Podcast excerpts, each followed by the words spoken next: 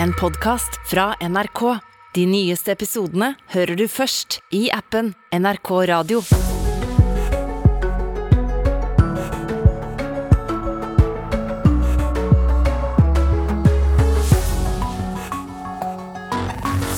Ja, hei og god fredag. Dette er Nyhetsmorgen 12. august, og vi har dette på programmet. Mange blir raskere syke av koronaviruset enn tidligere. Noen allerede dagen etter man er smittet. Men, men stadig flere rapporterer at de merker faktisk allerede døgnet etterpå at de begynner å bli syke. Terrorgruppa IS har eh, trappet opp angrepene sine de siste dagene i oppløpet til ettårsdagen for Talibans maktovertakelse i Afghanistan. Vi skal straks til vår reporter i Kandahar. Og færre søkte seg inn på teknologi- og rivalfagsutdanninger i år enn i fjor. Samtidig er behovet for teknisk kompetanse i arbeidslivet stort. Og hva vet vi egentlig om leiesoldatene som slutter seg til den brutale russiske Wagner-gruppen, som de siste månedene skal ha rekruttert rundt 3000 kriminelle til soldater i Ukraina? Landets fremste ekspert er her snart og gir oss svaret. Klokka er fire minutter over sju, og vi i Nyhetsmorgen er på plass her fram til klokka er ni. I studio i dag, Ida Kjøstelsen. Først eh, til at mange nå blir syke allerede dagen etter at de har blitt smittet av den såkalte BA5-varianten av koronaviruset. Det bekrefter Helsedirektoratet. Men selv om det rådende viruset er svært smittsomt og slår raskt ut i sykdom, prøver folk å ikke være så opptatt av det. Jeg har øh, ikke tenkt så mye på korona hele sommeren, skal jeg være ærlig. Prøvd å leve litt som, øh, Litt som jeg tenker det skulle være. Så deilig, da. Ja, det er deilig.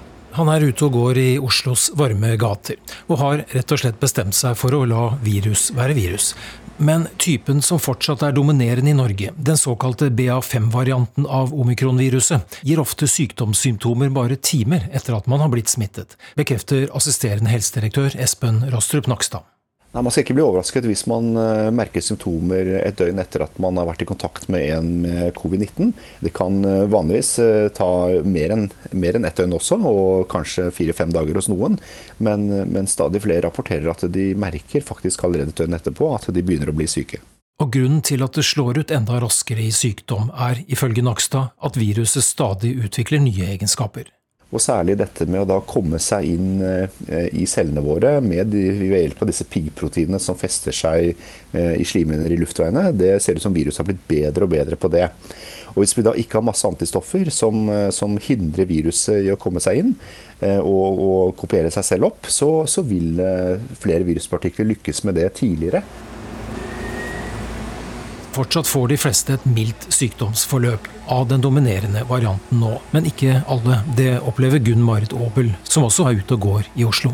Ja, jeg har faktisk eh, datter til en god kamerat av meg. Jeg er kjempedårlig. Hun har fått dobbelt sin lungebetennelse og ung, sprek, eh, oppegående jente på 25.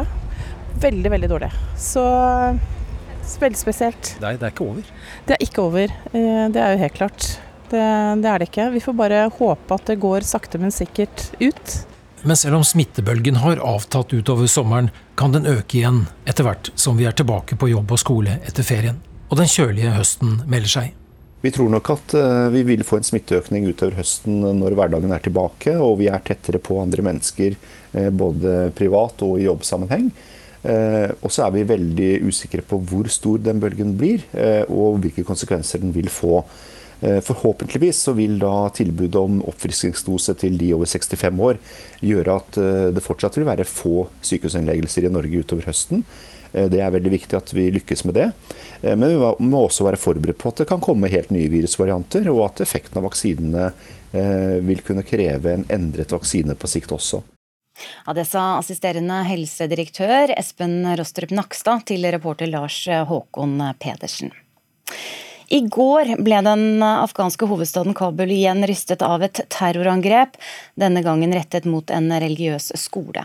Målet for angrepet var en fremstående Taliban-leder som ble drept, og terrorgruppen IS har tatt på seg skylden. De har trappet opp angrepene sine de siste ukene i oppløpet til ettårsdagen for Talibans maktovertakelse.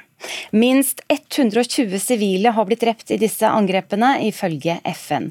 Og Korrespondent Yama Wolasmal, hva ønsker IS å oppnå med denne terrorbølgen? Altså, IS fremste mål uansett hvor de opererer er å spre frykt, men her i Afghanistan har de vært veldig opptatt av å sabotere Talibans ettårsmarkering som nærmer seg med stormskritt. De ønsker å vise afghanere og, eh, og naboland og det internasjonale samfunnet at Taliban ett år etter at de tok over, ikke har kontroll på landet. Derfor har de gått løs bl.a. på religiøse og etniske minoriteter, bl.a. hazara-minoriteten. Eh, de har eh, deres skoler moskeer og samlingssteder og basarer har blitt eh, rammet. Ehm, og de fleste av de 120 som du nevnte som har blitt drept de siste dagene og ukene, kommer fra hazara-minoriteten. Men i går rammet de en Taliban-lærd, en mann som har gått hardt ut mot IS, fordømt dem. Han har også eh, gått ut og forsvart jenters rett til utdanning. IS har tidligere prøvd å drepe han i et selvmordsangrep, men i går lyktes de etter å sende en selvmordsbomber som hadde pakket eksplosiver i protesen sin. Ja, hvem er IS her, og hvorfor klarer ikke Taliban å bekjempe dem? IS består av utenlandske krigere, men den harde kjernen er eh, faktisk eh, gamle Taliban-folk som tro det eller ei mener at Taliban-regimet har blitt for tilbøyelig, for eh, pragmatiske i sin dialog med vestlige land. IS ønsker en konfrontasjon med ikke-muslimske land, og det at Taliban ønsker en dialog med det internasjonale samfunnet, liker de dårlig. Derfor har de satt seg som mål å, å spore av Talibans forsøk på å kontrollere Afghanistan. og de har har trappet opp sine angrep de siste ukene. Ja, du er selv i Kandahar nå, stedet der Taliban oppsto for 30 år siden. Og Hvordan er livet der? Hva sier folk i Kandahar om eh, Taliban-regimet? Ja, skal vi se. Eh, Yama, du er med oss, og du er altså i Kandahar nå. Eh, det er der Taliban oppsto for 30 år siden. Og Hvis du kan høre meg nå, så spør jeg deg altså, hvordan er livet der akkurat nå? Vi har problemer med lyden til Kandahar. Yama Wolasmal, hører du oss? Ja, vi skal komme tilbake til vår eh, korrespondent eh, som altså er i eh, Kandahar i Afghanistan akkurat nå. Vi skal forflytte oss til Russland. Den paramilitære fryktede russiske Wagner-gruppen var i fokus i starten av Ukraina-krigen. Etter den tid så har det vært svært lite å høre om dem, men nå kan det vise seg at Wagner-gruppen har rekruttert inntil 3000 kriminelle fanger fra russiske fengsler til slagmarken i Ukraina. Dette ifølge en uavhengig russisk organisasjon som jobber for fangenes rettigheter. Og ved Sjøkrigsskolen i Bergen, som også er en del av Forsvarets høgskole, jobber en av landets fremste eksperter på både Wagner-gruppen og den såkalte private sikkerhetsgruppa. Og velkommen Åse Gilje Østensen. Tusen takk for det. Du har doktorgrad i temaet og følger slike paramilitære grupper tett. Og hvem er Wagner-gruppen? Wagner-gruppen er en, eh, et forband av, eh, av, leiesoldater, kan du si. Eh, de kalles jo ofte private militære selskaper, men det er ikke kommersielle selskaper dette dreier seg om. I hvert fall ikke i Wagner sitt tilfelle. Sånn at det er, det er ikke et selskap som selger sine tjenester på et åpent marked. Det er kun det russiske regimet og, og dets venner som kan benytte seg av, av Wagner. Mm. Og hvor, hvor ja. mange er de? Eh, det er høyst usikkert. Eh, I Syria så opererte de med 2000 stykker på det, på det høyeste. Eh, man har hatt 500 i, i Den sentralafrikanske republikk, omtrent. Hvor mange som er i Ukraina nå, er veldig usikkert. Og pga. at det som var på en måte kjernen av Wagner, nå er utvida med veldig mange nye rekrutter, som du var inne på innledningsvis. da. Sånn at du har nå en blanding av, av mer erfarne eh, Wagner-operatører eh, med veldig ferske rekrutter da, av eh, kall det lave kvaliteter. Mm. Og grunnleggeren har nære bånd til eh, Putin? Ja, det, det, har han. Sånn at eh, her vil man være opptatt av å tjene penger, samtidig som man vil være opptatt av å, å tjene eh, det russiske regimet og, og opptre i henhold til det russiske utenrikspolitikk. Mm. Og Vi hørte jo en del om Wagner-gruppen i starten av krigen i Ukraina, Østensen. Men er det en endring nå i måten gruppa blir brukt på? Ja, Det en ser eh, nå, er at eh, man har brukt Wagner som et frykt, eh, et middel for å skape frykt. Lenge så har man forsøkt å ha Wagner som en, en eh, enhet som kan eh, utføre mer fordekte operasjoner, eh, og som man kan fornekte. det har vært veldig viktig for russiske myndigheter å ha et militært virkemiddel som man kan bruke, men allikevel fornekte da, offentlig. Um, mens nå, eh, helt fra begynnelsen av, eh, av invasjonen av eh, Ukraina, så så man at, at man gikk åpent ut og sa at nå skulle Wagner inn i, Kiev og likvidere det politiske lederskapet der. I et forsøk på å hva skal jeg si, la det blodige ryktet til Wagner løpe de i forveien, da, slik at man skulle skremme ukrainerne fra å, å yte motstand. Da. Og så hører vi altså at uh, de skal ha rekruttert inntil 3000 kriminelle fanger fra russiske fengsler. og Hvordan klarer de å lokke drapsmenn og andre kriminelle til seg? Dette vil jo være folk som har få andre muligheter. Eh, jeg tror ikke det er veldig eh, hva skal man si, populært å å la seg rekruttere til, til, tjeneste i Ukraina i disse dager. Eh, russerne sliter med å få tak i, i, mannskap. Og dette her er vel et veldig klart eh, uttrykk for det, da, at man har tyr til, til, denne type kriminelle. Wagner har tidligere hatt en politikk på at de, du kan ha veldig småting på, altså småting på rullebladet ditt hvis du skal eh, tjenestegjøre for de, eh, type kortsvindel og den type ting, ikke drap. Eh, man har eh, forsøkt å framstå som en mer profesjonell Eh, hva skal jeg si, privat militært selskap. da, Mens nå så er han jo, eh, skraper han jo i bunnen av eh, det som finnes. og Når en rekrutterer disse menneskene da, som er eh, sannsynligvis lite motivert av, av, krig, mest motivert av å komme seg ut av fengselet. Da, og, mm. Mm. og hva, lokker, hva lokkes det med for å få med disse kriminelle på laget? Nei, Her lokkes det med, med, penger, selvfølgelig. En lønn på omtrent eh, tre ganger eh, normal soldatlønn og, og, eh, et liv i frihet etterpå, etter han har tjenestegjort i seks måneder, da, for de som måtte overleve. Ja. Og Hvor viktig er egentlig denne Wagner-gruppa for at Putin skal kunne drive krigen i Ukraina videre, Østensen? Ja, de er ikke essensielle på noen måte, men de har, de har sannsynligvis to hovedoppgaver der. Det ene er nå å bidra eh, i krigen sjøl, altså eh, på slagmarka. og det andre er å, rekruttere. de har treningsleirer og slikt som, og har nettverkene som skal til for å rekruttere folk. da.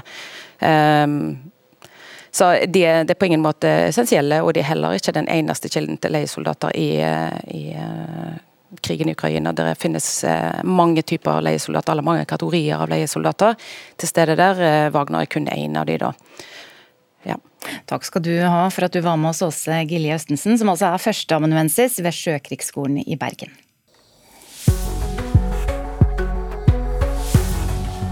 Ja, klokka er 16 minutter over sju. Du følger Nyhetsmorgen på NRK.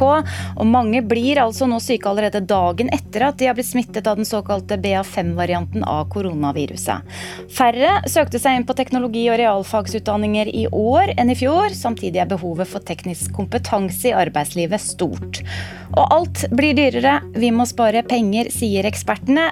Mange unge tror det blir vanskelig. Jeg syns det er mye gøyere å bruke penger på morsomme ting enn å spare. Når folk vil ha deg med på ting, så blir du som regel med på det.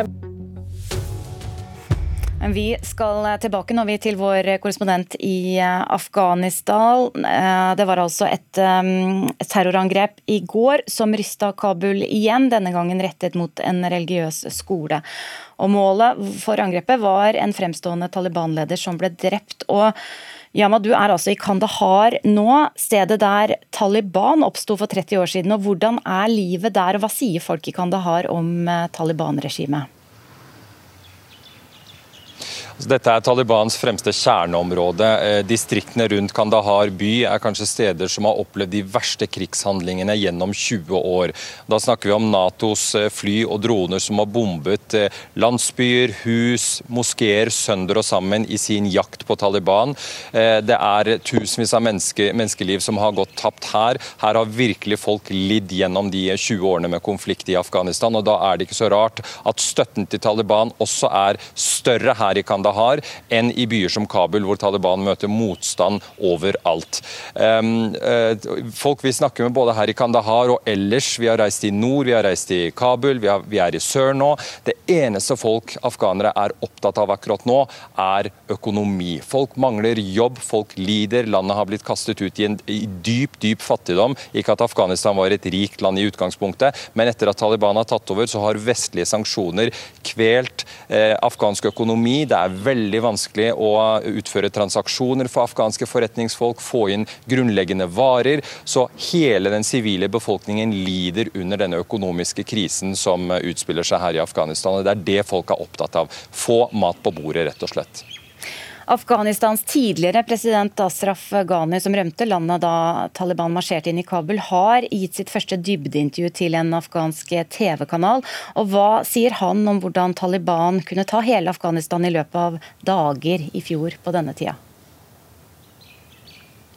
Så han gir et veldig sammensatt eh, bilde. Han sier bl.a. at det at eh, vestlige styrker, og da USA, eh, trakk sin luftstøtte til afghanske styrker som sto i bresjen for å kjempe mot Taliban, det demoraliserte afghanske soldater på bakken. De sto i frontlinjen og kjempet mot Taliban over hele landet, men når de mistet denne luftstøtten i et fjellrikt land som Afghanistan, så fikk de, de fikk ikke ut forsyninger, rett og slett. Det var én faktor. Så sa han at hele dialogen i USA førte allierte med Taliban, bidro til å undergrave det demokratiet vestlige land prøvde å bygge i Afghanistan. USA snakket direkte med Taliban og lovet det mer eller mindre, ifølge ekspresidenten, Afghanistan servert på et sølvfat til Taliban. Og Det sendte en sånn demoraliserende effekt gjennom hele regjeringsapparatet. Og når man da hørte 15.8 at Taliban sto på dørstokken til Kabul, ja da kollapset hele staten. Og han forklarer det at han rømte. Han får et konkret spørsmål om det. Hvorfor rømte du som president? Han sa jeg var den siste siste i regjeringsapparatet som forlot landet. Alle ministerne mine hadde satt seg på fly, og de var på vei til vestlige land, for de hadde fått lovnader om visum og, og innreisetillatelse til vestlige land. Så han sier at jeg ble sviktet av Vesten, jeg ble sviktet av USA. Takk skal du ha, korrespondent altså på plass i Kandahar i Afghanistan, Yamma Wolasmal. Så skal vi høre at færre søkte seg inn på teknologi- og realfagsutdanninger i år enn i fjor. Det viser nå tall fra Samordna opptak. Samtidig roper norske bedrifter etter arbeidere med teknisk kompetanse. Og visepresident i Norges ingeniør- og teknologorganisasjon Kjetil Lein mener fallet i søkertallene er en bekymringsfull utvikling. Nei, Det bekymrer jo litt, eh, særlig når vi vet at arbeidsmarkedet for ingeniører er eh, godt og sterkt om dagen. At eh, man trenger ingeniører for å ja, få gjort de tekniske oppgavene som samfunnet vårt trenger. Hvis samfunnet vårt ønsker å få til å lykkes med det grønne skiftet også, så er vi helt avhengig av at vi får yngre mennesker inn med ny og god teknologisk bakgrunn for å være med og ta oss inn i den endringen som kommer. Årets opptakstall for høyere utdanning viser at antallet søkere til teknologiske fag og realfag har falt med henholdsvis 5 og 11,3% Det har òg vært nedgang i hvor mange søkere som fikk tilbud på disse studiene. Halvparten av medlemsbedriftene i NHO sier at de mangler folk med denne kompetansen. 31 år gamle Alexander skal begynne på ingeniørstudiet i automatisering og elektronikkdesign ved Universitetet i Stavanger. Der var det bare 26 søkere som fikk tilbud om plass, til tross for at det var 40 plasser tilgjengelig. Dette sa han om hvorfor han valgte det studiet. Nei, Det var jo for at det var det som så mest interessant ut da når jeg så på det. Så har jeg vel alltid hatt interesse om hvordan ting fungerer litt under overflaten. da. Nei, Det var mest det, og så er det jo litt at det virka som et studie. Det er lett å få jobb seinere, da. For det har jo også litt å si. Stortingsrepresentant for Høyre, Mahmoud Farahmand, mener det må satses mer på realfag på ungdomsskolen. Det handler om å vekke eh, lysten til å studere eh, realfag og, og, ingeniørfag, og teknologifag ikke minst, på, allerede på ungdomsskolenivået. Dermed så er vi helt avhengig av å ha en ungdomsskole som, som bidrar til det. Eh, andre land har klart det tidligere, og det bør vi også klare i Norge.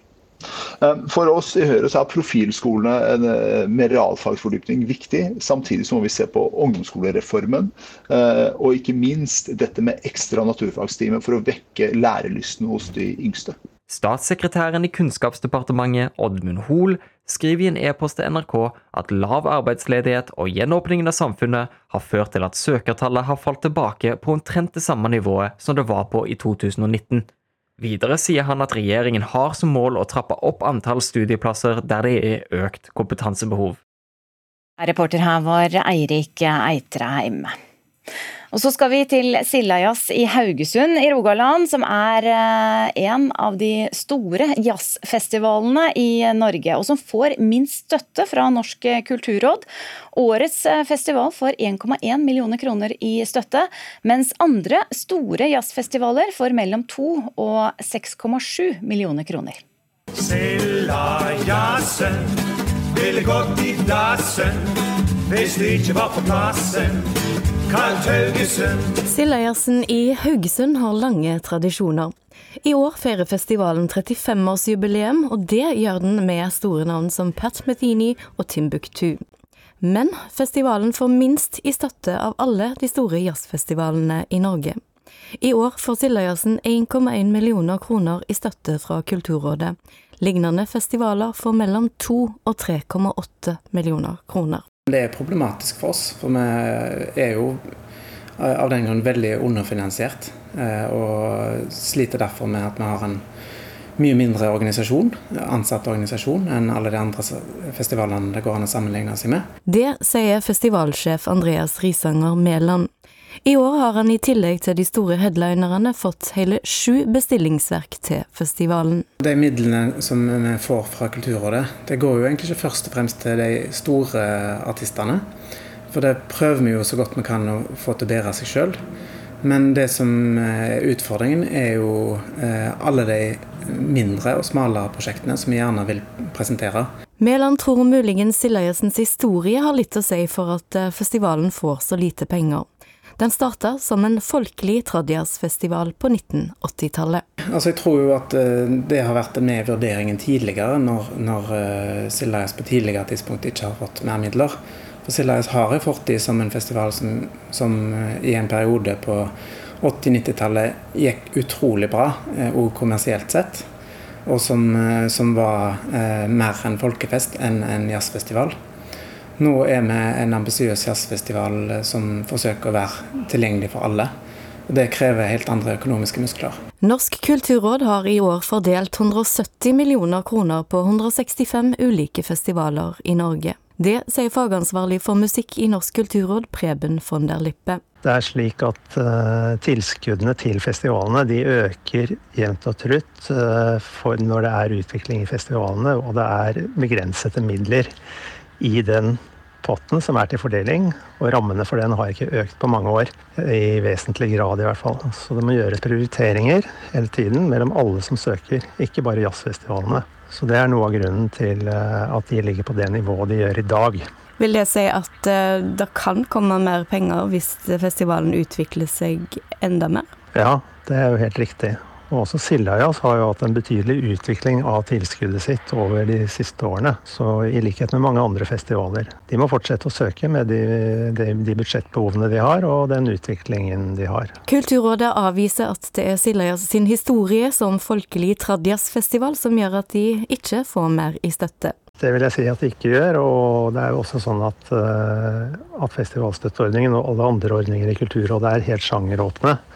Så alle uttrykk eh, og sjangere er sidestilt. Det er en selvfølge i dag, faktisk. Han skjønner likevel at eh, festivalsjefen for Sildajazz reagerer. Det forstår alle. Og det er jo også sånn at Kulturrådet, hvis vi hadde hatt mer midler, så hadde vi Altså det er større behov for midler til festivalene enn det det er.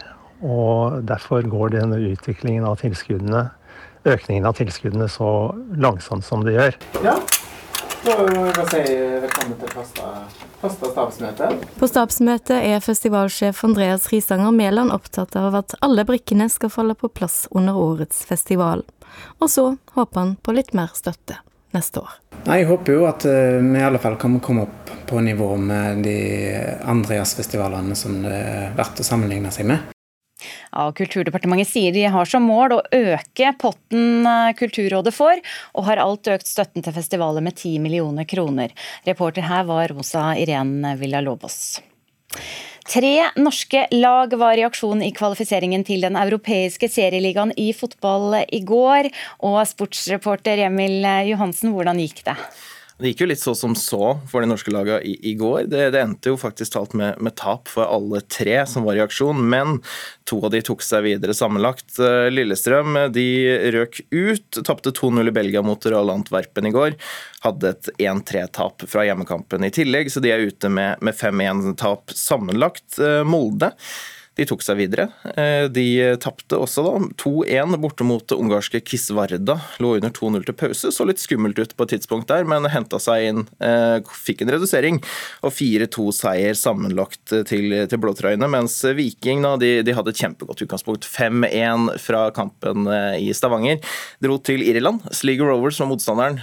Endte til slutt 1-0-tap der, men 5-2 sammenlagt. Og en ganske klar, klart avansement til, til Viking. Mm. Og dette var altså den tredje eh, kvalifiseringsrunden. Hva gjenstår nå for at eh, laga skal kunne komme til gruppespillet? Nå gjenstår det jo ett hinder. Én motstander for både Molde og, og Viking. Eh, de, de, står jo overfor eh, en kamp hver seg mot, eh, mot, Molde. De skal til Østerrike. Wolfsberger er motstanderen deres. Et lag som har spilt litt Europaliga før. De har erfaring fra, fra Europa. Tapte for to år siden bl.a. mot Tottenham da, i, i 16-delsfinalen, så det er et lag med erfaring fra europaspill. Viking de skal til Romania. De møter FC SB, tidligere kjent som Stoy Bucuresti her i Norge. Eh, et lag med, med store meritter sånn i europeisk sammenheng, eh, og som, eh, som, kommer til å bli en tøff utfordring for, for Viking, tror jeg. Mm. Og I tillegg så er jo Bodø-Glimt sikra plass i Europaligaen, det har vi snakka om her tidligere i uka, men er også fortsatt med i kampen om en plass i Mesterligaen. Kort til slutt, Emil. Hva skal til for å, at vi skal kunne få et norsk lag i Mesterligaen igjen, som jo er toppen? Bodø-Glimt må nok prestere sitt beste hittil i, i mesterligakvalifiseringa. De møter Dinamo Zagreb fra Kroatia, som er den tøffeste motstanderen de har møtt til nå. Eh, de har vært gode hjemme, men eh, mot Dinamo Zagreb så tror jeg de er avhengig av også være gode borte for å da kunne spille mesterliga, som da er det gjeveste av det gjeve av europeisk cupturnering. Eh, så får vi håpe da at de klarer det, og de to andre kan ta seg til serieligaen også. Ja, takk skal du ha, Emil Johansen, sportsreporter. Vi skal slippe til Dagsnytt. Vi klokka er 7.30.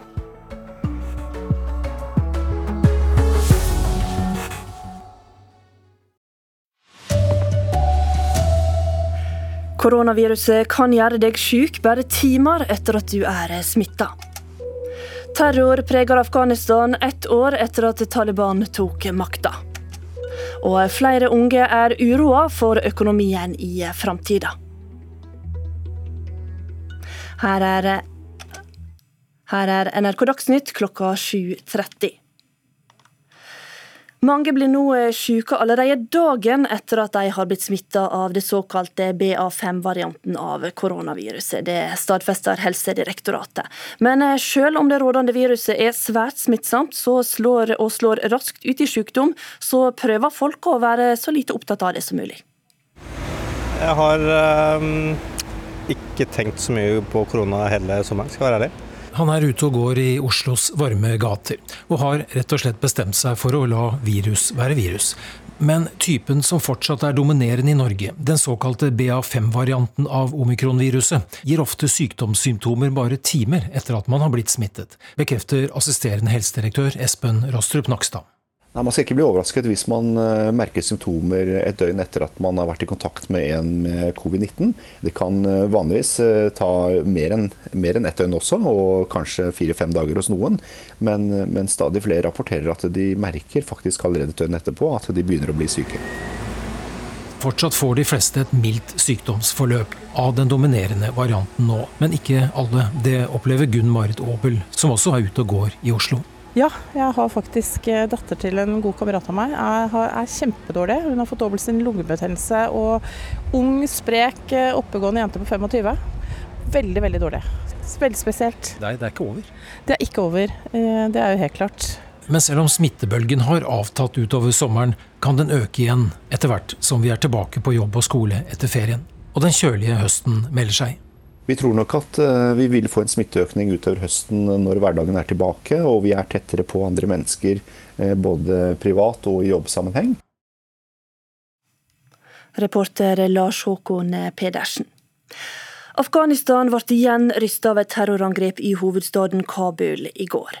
Denne gangen var angrepet retta mot en religiøs skole, og målet skal ha vært en Taliban-leder. Terrorgruppa IS har sagt at det er de som står bak, og de har utført flere angrep de siste ukene, nå før det nærmer seg ett år siden Taliban tok over makta i landet. Og Korrespondent Yama Wolasmale, du er i Afghanistan, og hva ønsker IS å oppnå med disse angrepene? Altså, IS ønsker alltid å oppnå, eh, oppnå, frykt i samfunnet og spre frykt gjennom sine angrep. Men her i Afghanistan er de veldig opptatt av å sabotere Talibans ettårsmarkering som nærmer seg med stormskritt. Derfor har de trappet opp angrepene sine. De siste eh, ukene er 120 sivile drept ifølge FN i ulike angrep. og De aller fleste angrepene IS har gjennomført har vært rettet mot religiøse og etniske minoriteter i et forsøk på å skape en religiøs konflikt i Afghanistan. Det er den hazara-minoriteten som har blitt rammet rammet. Dette er en sjiamuslimsk minoritet. Deres skoler, samlingssteder, basarer, moskeer har blitt rammet av IS-terrorister i, eh, i, et forsøk på å spre eh, en religiøs konflikt i eh, dette landet. Og Hvorfor klarer ikke Taliban å kjempe ned IS? Taliban burde hatt de beste forutsetningene for å hindre terror, når de selv har gjennomført, gjennomført, nettopp slike terrorangrep de siste 20 årene. De har sendt inn selvmordsbombere som har rammet vestlige styrker, afghanske eh, styrker og sivile. Eh, men dette viser at når et menneske bestemmer seg for å feste en bombe til sin kropp, så er det nesten umulig å hindre vedkommende i å utføre et angrep. Det er det Taliban opplever nå. Du kan ikke i en by som Kabul med fem millioner innbyggere kontrollere alt og alle som går inn og ut av den byen. Og Det er den jobben Taliban står overfor. De har trappet opp sikkerhetstiltakene, men de klarer likevel ikke å hindre IS-terrorister i å nå målene sine.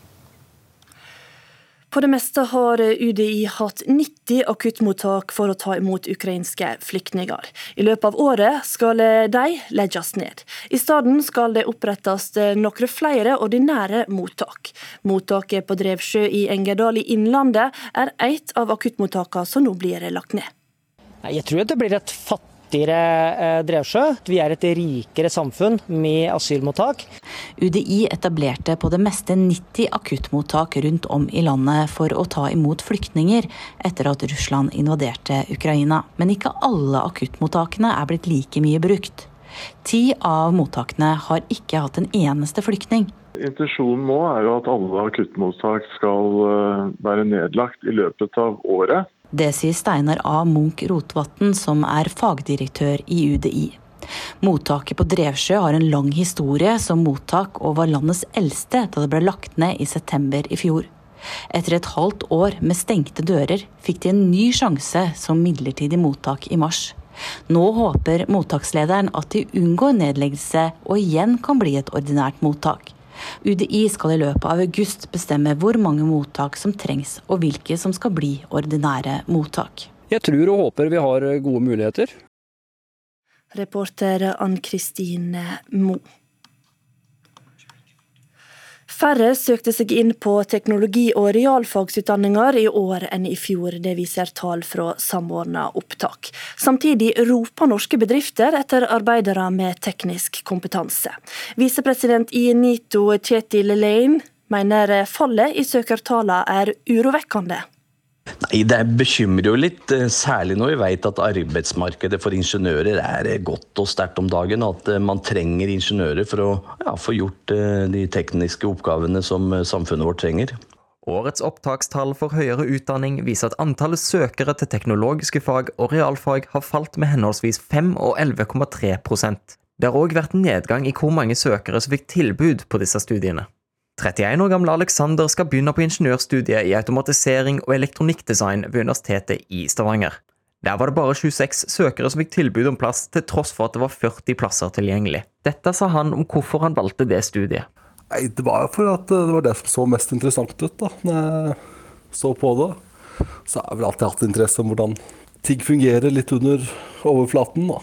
Stortingsrepresentant for Høyre, Mahmoud Farahmand, mener det må satses mer på realfag på ungdomsskolen. Det handler om å vekke eh, lysten til å studere eh, realfag og, og, ingeniørfag, og teknologifag ikke minst, på, allerede på ungdomsskolenivået. Dermed så er vi helt avhengig av å ha en ungdomsskole som, som bidrar til det. Eh, andre land har klart det tidligere, og det bør vi også klare i Norge. Statssekretæren i Kunnskapsdepartementet, Oddmund Hoel, skriver i en e-post til NRK at lav arbeidsledighet og gjenåpningen av samfunnet har ført til at søkertallet har falt tilbake på omtrent det samme nivået som det var på i 2019. Videre sier han at regjeringen har som mål å trappe opp antall studieplasser der det er økt kompetansebehov. Reporter Eirik Eitreheim. I Verdal i Trøndelag har røykdykkere henta ut én person fra et brennende hus. Brannvesenet fikk melding om brannen litt før klokka seks, og det var kraftig røykutvikling fra brannen. Mange unge er uroa for hvordan økonomien deres blir framover. Flere syns det er vanskelig å både skulle tenke på framtida og være med på sosiale aktiviteter med venner. Prøve å ha litt fokus på at uh, alt vi gjør ikke trenger å koste så all verdens. Jeg syns det er mye gøyere å bruke penger på morsomme ting enn å spare, så jeg er nok dårligere på å spare. er det. Når folk vil ha deg med på ting, så blir du som regel med på det, men eh, det er greit å være bevisst på at eh, man ikke kan være med på alt. En undersøkelse gjennomført for DNB på forsommeren viser at 40% av unge er bekymra for tidene som kommer. Ekspert i forbrukerrettferd Ellen Katrine Nyhus råder unge til å være mer åpne i vennegjengen om økonomi det som jeg tenker de bør gjøre, er å, å, å, tenke at de fleste sikkert som de omgås med, er i samme båt som de sjøl. Nyhus sitt beste tips er å gjøre sparing til en fellesaktivitet i vennegjengen. F.eks. sånn at en kjøper ting som en spiser og drikker på supermarkedet istedenfor på et dyrt utested. Og så er det også mulig å, å sette og avtale på en måte maksgrenser hvis en skal kjøpe gaver, eller om en skal bytte på å lage middag, eller om en har andre sosiale aktiviteter. At en på en måte har en sånn grense som, som gjelder for alle. Sånn at en ikke føler at en er kjipere enn andre. Unge NRK har snakka med, sier at det er vrient å balansere sparing med sosiale aktiviteter som koster penger. Når man ser at venninnene gjør sosiale ting, så vil man jo være med på det. Og så må man jo samtidig spare, fordi hvis man skal studere og sånne ting, så alt koster penger. Og det å finne en bra balansegang, det er vanskelig. Jeg har satt opp budsjett, så jeg prøver å spare fast hver måned. Men spesielt nå i sommer så har det vært litt vanskeligere. Nå har jeg egentlig bare prøvd å sette litt av av det jeg kan, da. Men det har jo ofte blitt tatt ut igjen når jeg skal gjøre andre ting, da. Og reporter på Sørlandet, det var Ingvild Taranger. Og Dagsnytt nærmer seg slutten. Flere nyheter det kan du finne på våre nettsider nrk.no. Ansvarlig for Dagsnytt i dag, Dag Dørum. I studio, Marte Halsør.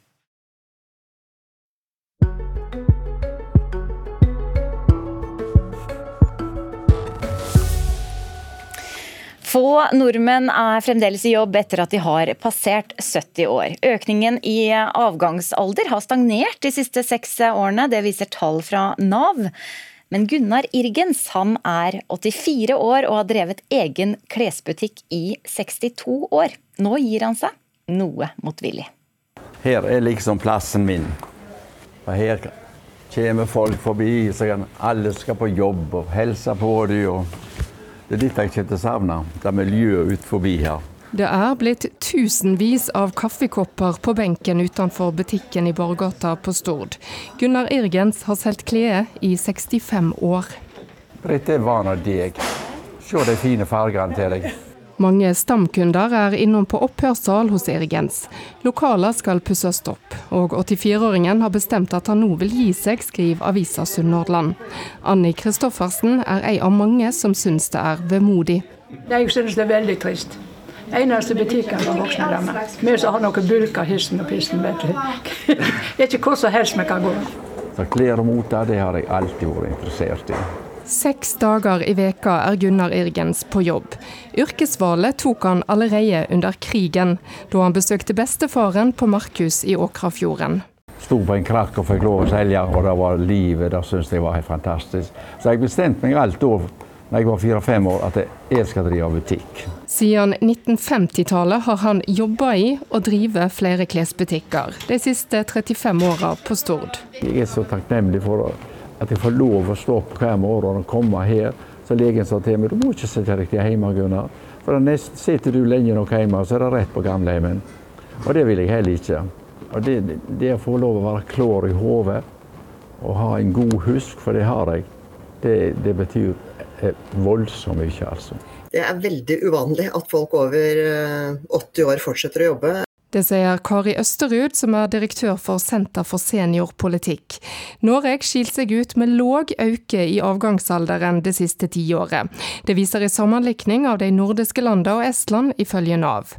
Gjennomsnittlig avgangsalder er 65,2 år, en økning på 0,7 år siden 2011. Det er ikke et mål at folk skal jobbe til de er 84 år, eh, men vi må få et arbeidsliv som gjør det mulig for flere 65-åringer, 66-åringer og 67-åringer til å fortsette lenger i jobb. Flere må nok innstille seg på at arbeidslivet kanskje ikke er slutt før du er 70. Nylig foreslo pensjonsutvalget å øke pensjonsalderen gradvis. Unge voksne i dag må regne med å jobbe til de er over 70 år. Jeg skal hjelpe deg å finne buksa. Du må gjøre det. Ja, det skal jeg gjøre. 22 år gamle Gøran Isaksen Irgens jobber hos grandonkelen Gunnar på Stord. Altså, jeg håper da at jeg finner noe som er så kjekt å gjøre på at jeg har lyst til å drive så lenge. Det gjør jeg. Eh, men eh, når jeg kommer til å gi meg, det er sannsynligvis ikke like lenge. Men jeg vet jo aldri. Nå må en jo jobbe lenger og lenger. Det kommer de flotte mannekengene mine. Dorte Bakkedal har vært modell hos Irgens i 35 år. Hun er så moderne og flott med bukseskjørt og barakkelse. Alt er for han. Alt er for meg. I dag finner hun de siste klesplaggene som skal bli med hjem i Irgens pose. Jeg må jo si adjø til det, men da må ikke vi grine. Nei, nei da, vi skal ikke grine. Da skal vi bare smile, og så skal vi si det at kanskje jeg tar en tur til halsen. Ja. Hvis du, du, kanskje du vil ha en butikk der borte? Nei, hjelpe meg. Jeg kan, nå, nå må jeg gi meg. Nå er det slutt. Ja, det sa Gunnar Irgens, 84 år altså, og pensjonist, reporter Eli Bjelland. Dette er Nyhetsmorgen. Straks blir det Politisk kvarter. I dag ved Bjørn Myklebust, men vi tar med oss et par overskrifter før det. Mange blir raskere syke av koronaviruset enn tidligere, noen allerede dagen etter man er smittet. Og terror preger Afghanistan ett år etter at Taliban tok makten. Minst 120 sivile har blitt drept i disse angrepene, ifølge FN. Færre søkte seg inn på teknologi- og realfagsutdanninger i år enn i fjor. Samtidig er er behovet for teknisk kompetanse stort i arbeidslivet. Og alt blir dyrere, vi bør spare penger, sier ekspertene. Mange unge tror det blir vanskelig.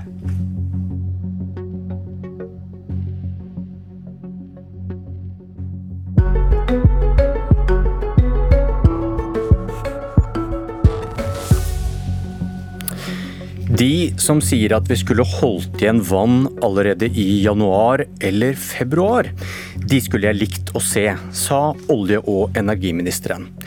Vi advarte jo mot dette i fjor, svarer Rødt. Kunne lite vann i magasinene og noe av strømprisøkningen vært unngått? Eller blir det bare etterpåklokskap?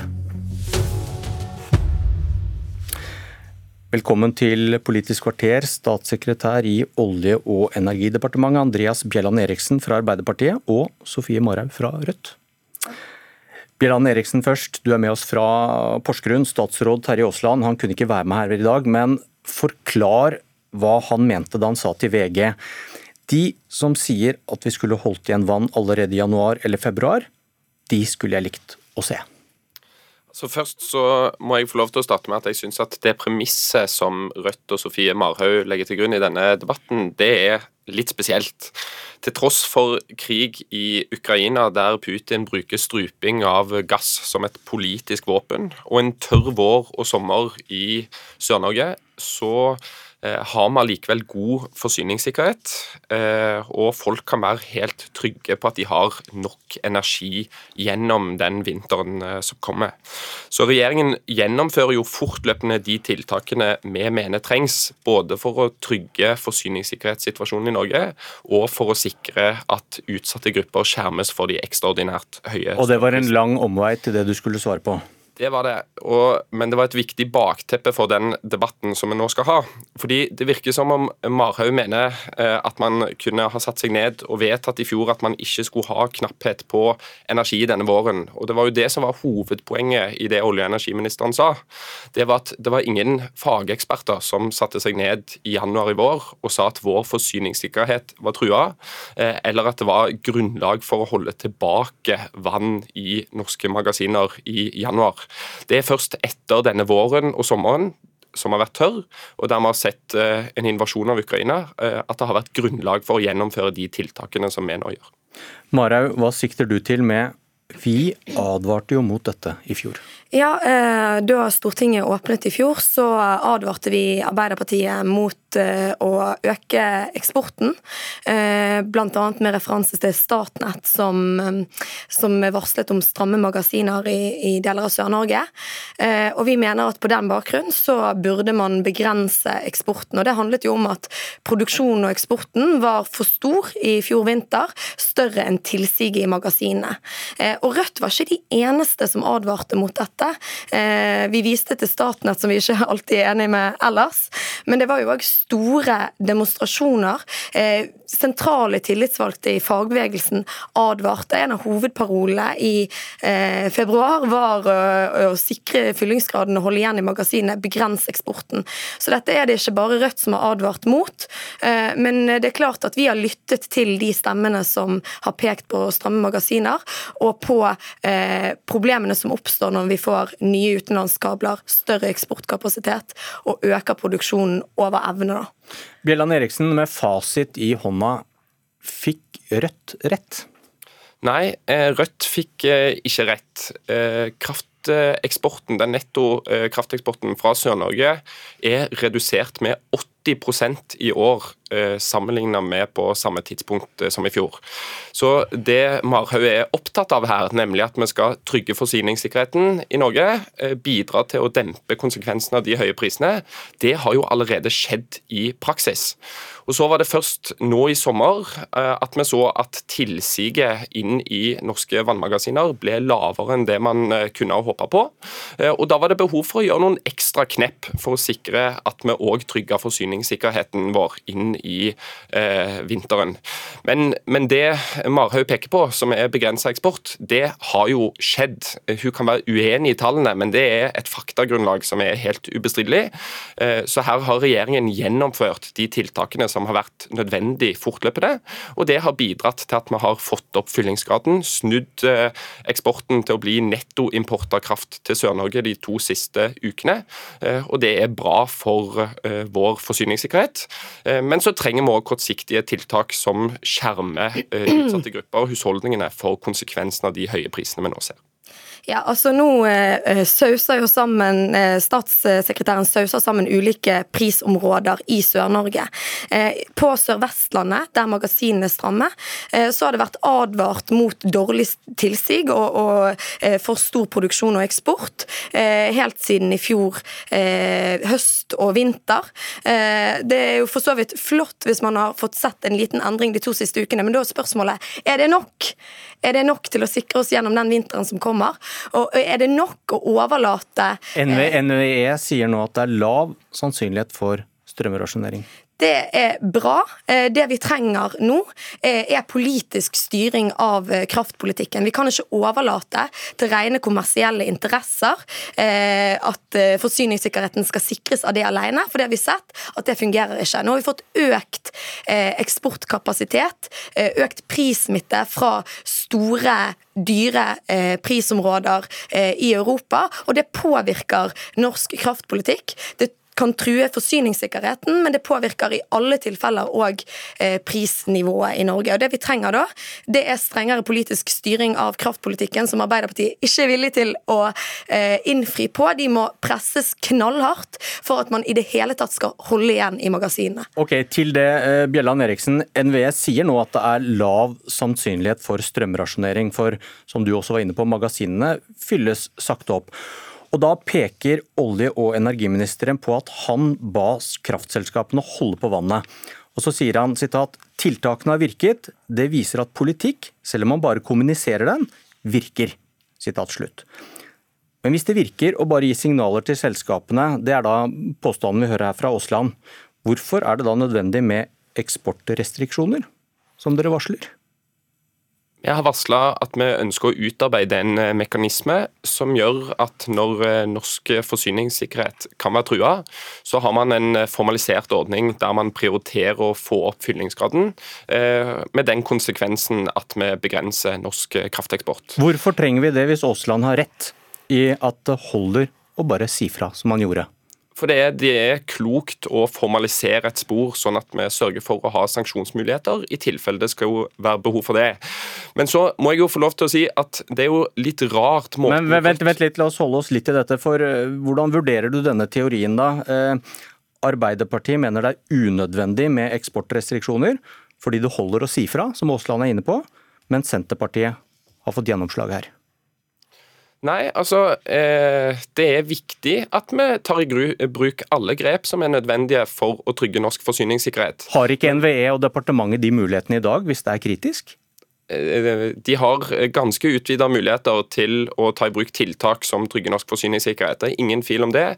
Men vi har jo egentlig ikke vært i en tilsvarende situasjon som den vi ser nå, der det både er energiknapphet i Europa og energiknapphet i Norge. Da er det lurt at vi formaliserer et sånt verktøy. Vi vet at været blir våtere, villere, mer utforutsigbart i framtida. Da er det eh, lurt at vi har eh, den verktøykassa vi trenger for å trygge norsk forsyningssikkerhet òg i framtida. Det er er å styre norsk kraftpolitikk på en trygg og god måte, i motsetning til de eh, litt lemfeldige tiltakene som Rødt eh, peker på. Hvordan vurderer du teorien jeg nevnte, Mare?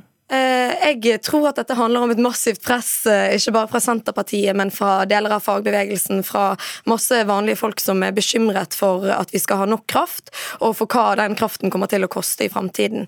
Eh, og så syns jeg jo det er spennende at Arbeiderpartiet fortsetter å prøve å latterliggjøre våre advarsler og forslag til tiltak når de føler seg presset til å faktisk gjennomføre noe av det. Men det sier jo mer egentlig om Arbeiderpartiets eh, arroganse enn det sier om Rødt sin politikk. For hvis Arbeiderpartiet hadde lyttet til Rødt og hørt på våre advarsler i høst, før krigen eh, slo til, vi hadde en strømpriskrise før krigen i Ukraina begynte, eh, så hadde vi kanskje òg vært bedre stilt i dag, og kanskje vi òg hadde sett på flere tiltak enn de okay, små tiltakene. Men dere så kanskje ikke heller krigen komme og kunne spå snøværet i vinter. Men, Nei, men det, var, det, var, dårlig tilsig ja, i, i, høst og greit. vinter òg. Men litt om Rødt, Rødts politikk. da. Eh, Rødt vil beholde eh, vannkraft for å utvikle norsk industri og holde prisene nede i Norge. Og Rødt vil avvikle olje- og gassindustrien. Hva vil solidariske Rødt tilby et hardt prøvet Europa i fremtiden, som roper på norsk gass og norsk strøm? Altså, Vi er for å, å, eksportere norsk eh, gass nå, det gjør vi i stort monn. Eh, det Rødt har sagt at vi ikke vil lete etter mer olje og gass, og da er det snakk om produksjon i mange tiår fram i tid. Eh, som, Dere har jo sagt at, skal, at Norge, norske selskaper skal kjøpe opp langsiktige gasskontrakter for å avvikle de kjappere. Hvordan vil det hjelpe Europa? Det vil jo ikke hjelpe Europa akkurat nå, og det vil ikke påvirke norsk gasseksport akkurat nå heller. Eh, det vi snakker om er jo i første rekke å stoppe å lete etter mer olje og gass. Eh, det er første skritt i retning av, eh, av et mer klimavennlig samfunn på sikt. Men dere vil jo ikke ha fornybar energi heller? Jo, vi vil ha fornybar energi, og i utgangspunktet så er Norge selvforsynt med fornybar energi. Vi er for å eksportere det vi har av kraft over overskudd, så er det masse vi likevel må gjøre for å øke kraftproduksjonen i framtiden. Men det, dere bare ta, Rødt vil ikke bygge ut vind, verken på land eller til havs. Eh, dere vil ikke ha mer vannkraft. Eh, jo, vi vil oppgradere eksisterende vannkraftverk. Ja, Men ikke bygge ut flere, flere vassdrag? Nei, vi vil ikke bygge ut vernede vassdrag. Hvordan skal vi få nok kraft? Eh, vi skal eh, oppgradere eksisterende vannkraftverk, som jeg sa. Vi skal satse på energieffektivisering. Det er det mest konfliktfrie tiltaket som finnes. Og det er minst 10 TWh, sannsynligvis mye mer å hente ut av det. Eh, vi kunne installert vann, varmepumper i alle norske hjem hvis staten var villig til å investere i det. Det hadde faktisk monnet. Er du enig i at partier som vil akkurat det du sa nå, i tillegg til at de vil ha en storstilt vindsatsing har mer kraft å by på enn det Rødt har? Ja, eh, det kan de jo i teorien ha, men så stemmer jo de ned Rødt sine forslag om å reforhandle avtalen med Enova for å sikre bedre energieffektivisering. Så stemmer de ned forslagene fra Rødt under eh, behandlingen av energimeldingen om å pålegge kraftselskapene å oppgradere eksisterende vannkraftverk. Eh, så det hjelper jo ikke å være enig i teorien hvis du ikke gjennomfører i praksis. Det Arbeiderpartiet gjør og vil, er jo å gå løs på urørt natur med mer utbygging av vindkraft på land, for så vidt òg til havs, men det vil jo ikke vi få realisert noe kraft fra før på mange, mange år. Så det Bjelland, hjelper ikke på kort sikt. Bjelland Eriksen, får du Rødt sitt kraftregnestykke til å gå opp i, når du ser på hva Norge trenger i fremtiden? Nei, altså her eh, lever Rødt i sin egen virkelighet. Det er jo rart at de ikke engang vil forholde seg til de tallene som jeg nevnte i stad, med at vi allerede har begrensa eh, krafteksporten fra Sør-Norge så langt i år. Det viser jo at de ikke har troen på systemet på kort sikt. Og så på eh, lang sikt så er kraftsystemet en ekte størrelse. Det er noe som utvikles i et 50- til 100-årsperspektiv. Der er jo Rødt mot de store utbyggingene som kan gi oss mer kraftproduksjon. De er skeptiske til eh, byggingen av et sterkere overføringsnett. De er eh, skeptiske til eh, ja, de fleste tiltak som ikke involverer massive subsidier fra fellesskapet til grupper som i mange tilfeller har råd til å gjennomføre investeringer sjøl. Så Rødt sin utvikling av kraftsystemet bærer i hvert fall ikke godt nytt for Norge dersom de skulle få gjennomslag for sine tiltak. Altså, Havvindsatsingen til regjeringen er jo en massiv subsidie fra fellesskapet. Da, med all respekt å melde.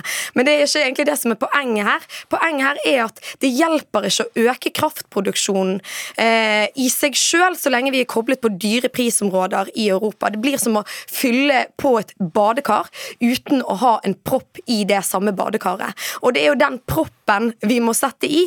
Det er regjeringens øverste eh, oppgave, viktigste oppgave, å sikre forsyningssikkerheten og rimelige priser i Norge. Det står i Hurdalsplattformen. Regjeringen leverer ikke, og de er ikke villige til å lytte til Rødt. De er ikke villige til å lytte til Statnett sine advarsler i fjor høst, og de er heller ikke villige til å lytte til en viktig opposisjon i fagbevegelsen som har advart mot kraftliberaliseringen i lang, lang tid. Ok, du Kort til slutt, Bjelland Eriksen. Eh, når dere nå varsler at dere skal gjøre noe med eksporten, har dere i departementet fått bekymringsmeldinger fra land i Europa? Jeg opplever at land i Europa har stor forståelse for at vi må gjennomføre tiltak for å trygge egen forsyningssikkerhet. Det, det vi allerede har gjort, det har virka, i motsetning til det Rødt synes å mene. Jeg har ikke troen på et kraftsystem der Stortinget skal sitte og vedta hvorvidt vi skal gjennomføre forsyningssikkerhetsbegrensninger eller det ikke. Det, tror, det tror jeg at det er fagfolkene som er best til å vurdere. Vi må utvikle kraftsystemet på en helhetlig, langsiktig måte. Det er den eneste måten å okay. sikre rimelig og trygg kraftforsyning òg i framtida. Takk for debatten. Dette var Politisk kvarter. En podkast fra NRK. De nyeste episodene hører du først i appen NRK Radio.